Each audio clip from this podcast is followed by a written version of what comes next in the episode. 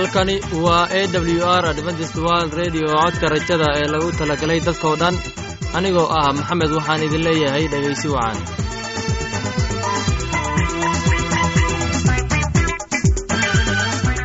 Maanta waxaynu si qaas ah kugu soo dhoweynaynaa barnaamijkan barnaamijkan wuxuu ka kooban yahay laba qaybood. Qaybta koowaad waxaad ku maqli doontaan barnaamijka caafimaadka.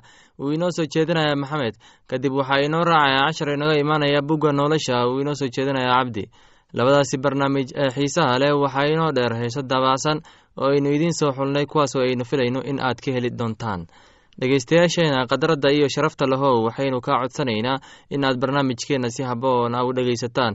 Haddii aad wax su'aalaha qabtid ama aad haysid wax fikrad ah fadlan inala soo xiriir dib ayaynu kaaga sheegi doonaa ciwaankeenna. Bal intaynan u guudagelin barnaamijyadeena xiisaha leh waxaad marka hore ku soo dhowaataan heystan daabacsan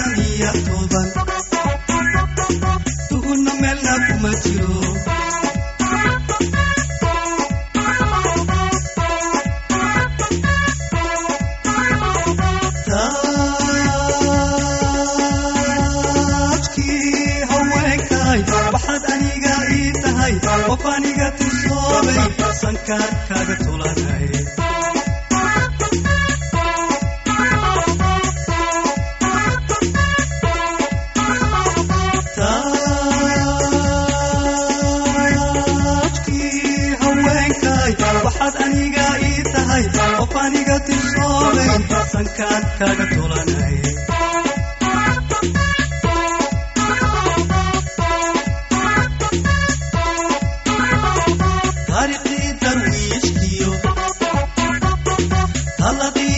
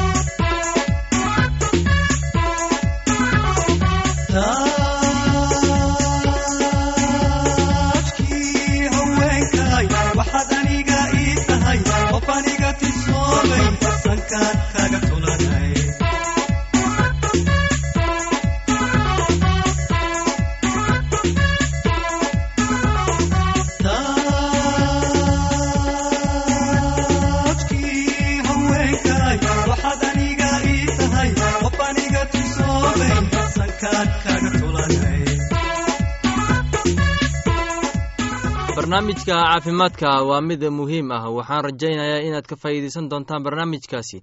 Waxaana inoo soo jeedinaya maxamed barnaamijka wuxuu ka hadli doonaa kansarka naaska ku dhaca. Balaayooyinka imaanaya.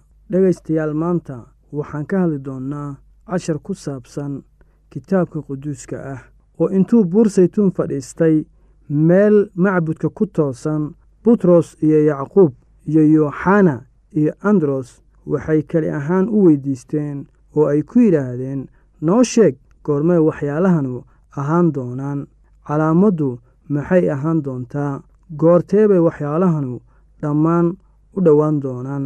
Ciise baa u jawaabay oo bilaabay inuu ku yidhaahdo iska eega yaan laydin khiyaanayn. Qaar badan ayaa magacayga ku iman doona oo waxay odhan doonaan anigu waxaan ahay isaga oo qaar badan ayay khiyaanayn doonaan goortaad dagaallo maqashaan iyo hadalhayntooda habaqanina waayo waa inay dhacaan laakiinse dhammaadku weli weeye waayo quruunba quruun bay ku kici doontaa. Boqortooyena waxay meelo badan ku kici doontaa boqortooyo kale oo waxaa dhici doona in meelo kala duwan ay ka dhacaan dhulgariir iyo abaaro.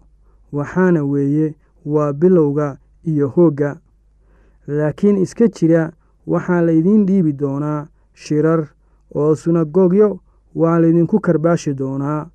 Taliyayaal iyo boqortooyo ayaad daraadday u istaagi doontaan in aad markhaati u ahaataan oo goortii la idin wado oo laydin gacan geliyo. Horta kaca ha ka welwelina wixii aad ku hadli doontaan laakiin wixii saacaddaas laydin siiyo waxaas ku hadla waayo ma aha idinku kuwa hadlaya laakiin waa ruuxa quduuska ah. Walaalba walaalkiis wuxuu u dhiibi doonaa in la dilo aabbana wiilkiis carruurna waalidkood ayay ku kici doonaan oo dhimasho ayay gaadhsiin doonaan. Dadka oo dhan ayaa magacayga aawadiis idiin nibcaan doona laakiin kan ilaa ugu dambaysta adkaysta kaas ayaa badbaadi doona. Tan iyo kulintideenna dambe anigoo ah geele waxaan idin leeyahay sidaas iyo nabadgelyo. E w r at yahu com. Anigoo ah maxamed intaan mar kale hawada dib ugu kulmayno waxaan idinkaaga tegaynaa heesta soo socota. Sidaas iyo nabadgelyo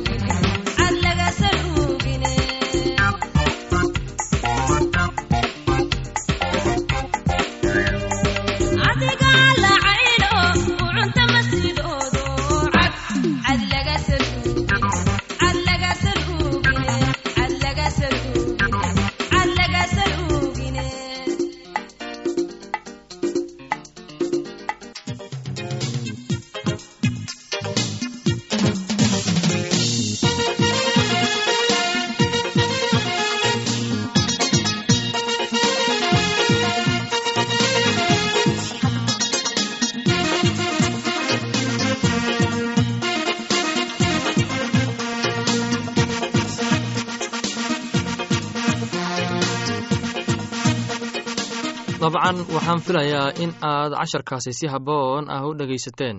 Haddaba haddii aad wax su'aalaho aad haysid ama wax fikrada leedahay fadlan waxaad inagala soo xiriiri kartaa ciwaankeenna.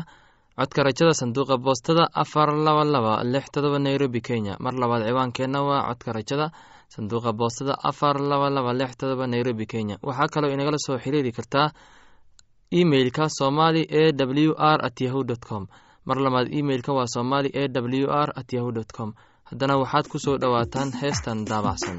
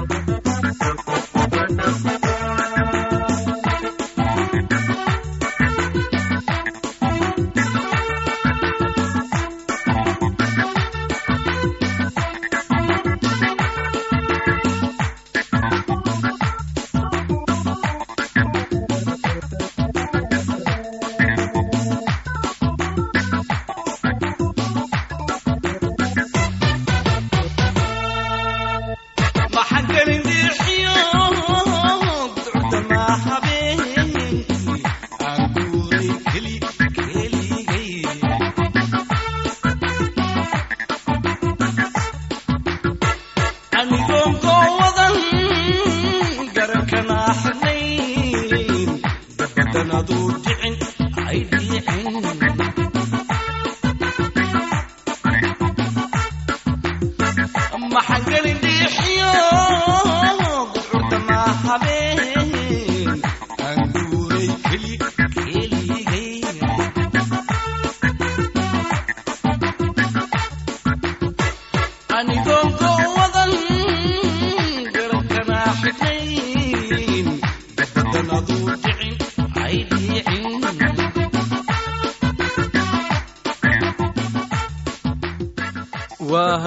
waxaan filayaa inaad ka hesheen heestaasi oona dhegihiina raaciseen.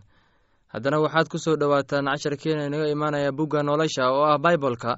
Casharkeena wuxuu ka hadlayaa rumaynta ereyada rabbiga waxaana inoo soo jeedinayaa cabdi ee dhegeysi wacan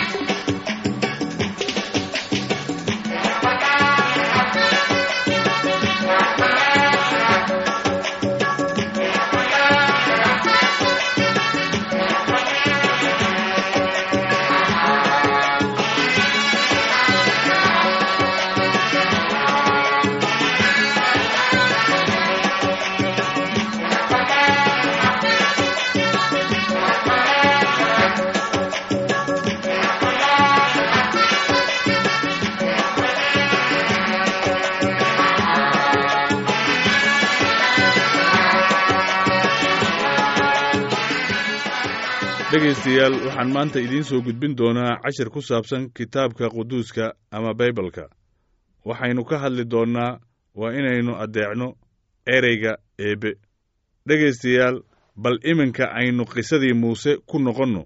Kadib markii uu helay labadii loox ee maragga ayuu buurtii kala soo degay. Intaannu soo gaarin xeradii ay degganaayeen dadku ayuu maqlay yabaakh iyo hays. Wuxuu isweyddiiyey maxay dadku samaynayaan? Way ku adkayd inuu rumaysto wixii ay samaynayeen. Waxay samaysteen sanabyo wuxuuna ahaa qalin lo' ah oo ay dahab ka sameeyeen. Iyagoo u ciyaaraya bay waxay sanabkaasi u caabudayeen sida ilaah oo kale. Muuse aad buu u niyad jabay oo u carooday wuxuuna tuuray looxyadii dhagxaanta ahayd ee uu gacanta ku sitay oo way jabeen. Haddaba halkaasi miyay ku dhammaatay muujintii ilaah ee la qoray? Yaanay noqon. Muuse wuxuu ahaa hoggaamiye dhab ah wuxuuna maamul iyo kala dambayn ku soo celiyey xeradii dabadeedna eebbe buu u baryey. Isagoo weyddiisanaya cafiska dadka ilaah waxa uu siiyey dadka markaas masiibo u keenay laakiin isaga aad buu u naxariis badnaa wuxuuna ka jawaabay baryadii muuse oo wuxuu si waday qorshihiisii uu doonista dadka ugu muujinayey iyadoo qoran. Ilaah baa muuse ku yidhi sida ku qoran buugga baxniininta waxaad soo qortaa laba loox oo dhagax ah oo kuwii hore u eg oo waxaan looxyadan ku qori doonaa ereyadii ku qornaa looxyadii hore oo aad jebisay. Eebbe sidan buu ku muujiyey inaan ereygii ereygiisa marnaba la baabi'inin ama la beddelin. Mar labaad ayuu looxyadii dhagxaanta ahaa wax kula qoray gacantiisii. Xitaa ilaah waxa uu muuse u sheegay inuu xagga hadalka ka taageeri doono. Taasi waxa weeye in uu ka dhowri doono in qaladaad uu sameeyo waxaa markaasi xaqiiqo inoo noqonaysa in ereyga eebbe aanun ahayn wax qalad ah. Muuse wuxu uu marar badan sheegay in hadallada qoran ee ilaahay ay yihiin wax qaali ah oo dadkiisu haystaan. Qorninka ilaah buu ka yimid oo ilaah baana dhowraya weligiis. Ilaah keenay wuu awoodaa badan yahay oo wuxuu awoodaa in uu dhowro hadalladiisa wax kastoo dhacaba ama xaalad kasta oo lagu jiro sida aynu aragnay eebbe waxa uu horay ugu xaqiijiyey hadalladiisa calaamooyin la yaab leh iyo mucjisooyin. Waxa uu yidhi hadalladayda waa amaradayda ay leeyihiin farac kasta. Dhegaystayaal casharkeenna maanta waa naga. Intaas waxaan idan leennahay sidaas iyo nabadgelyo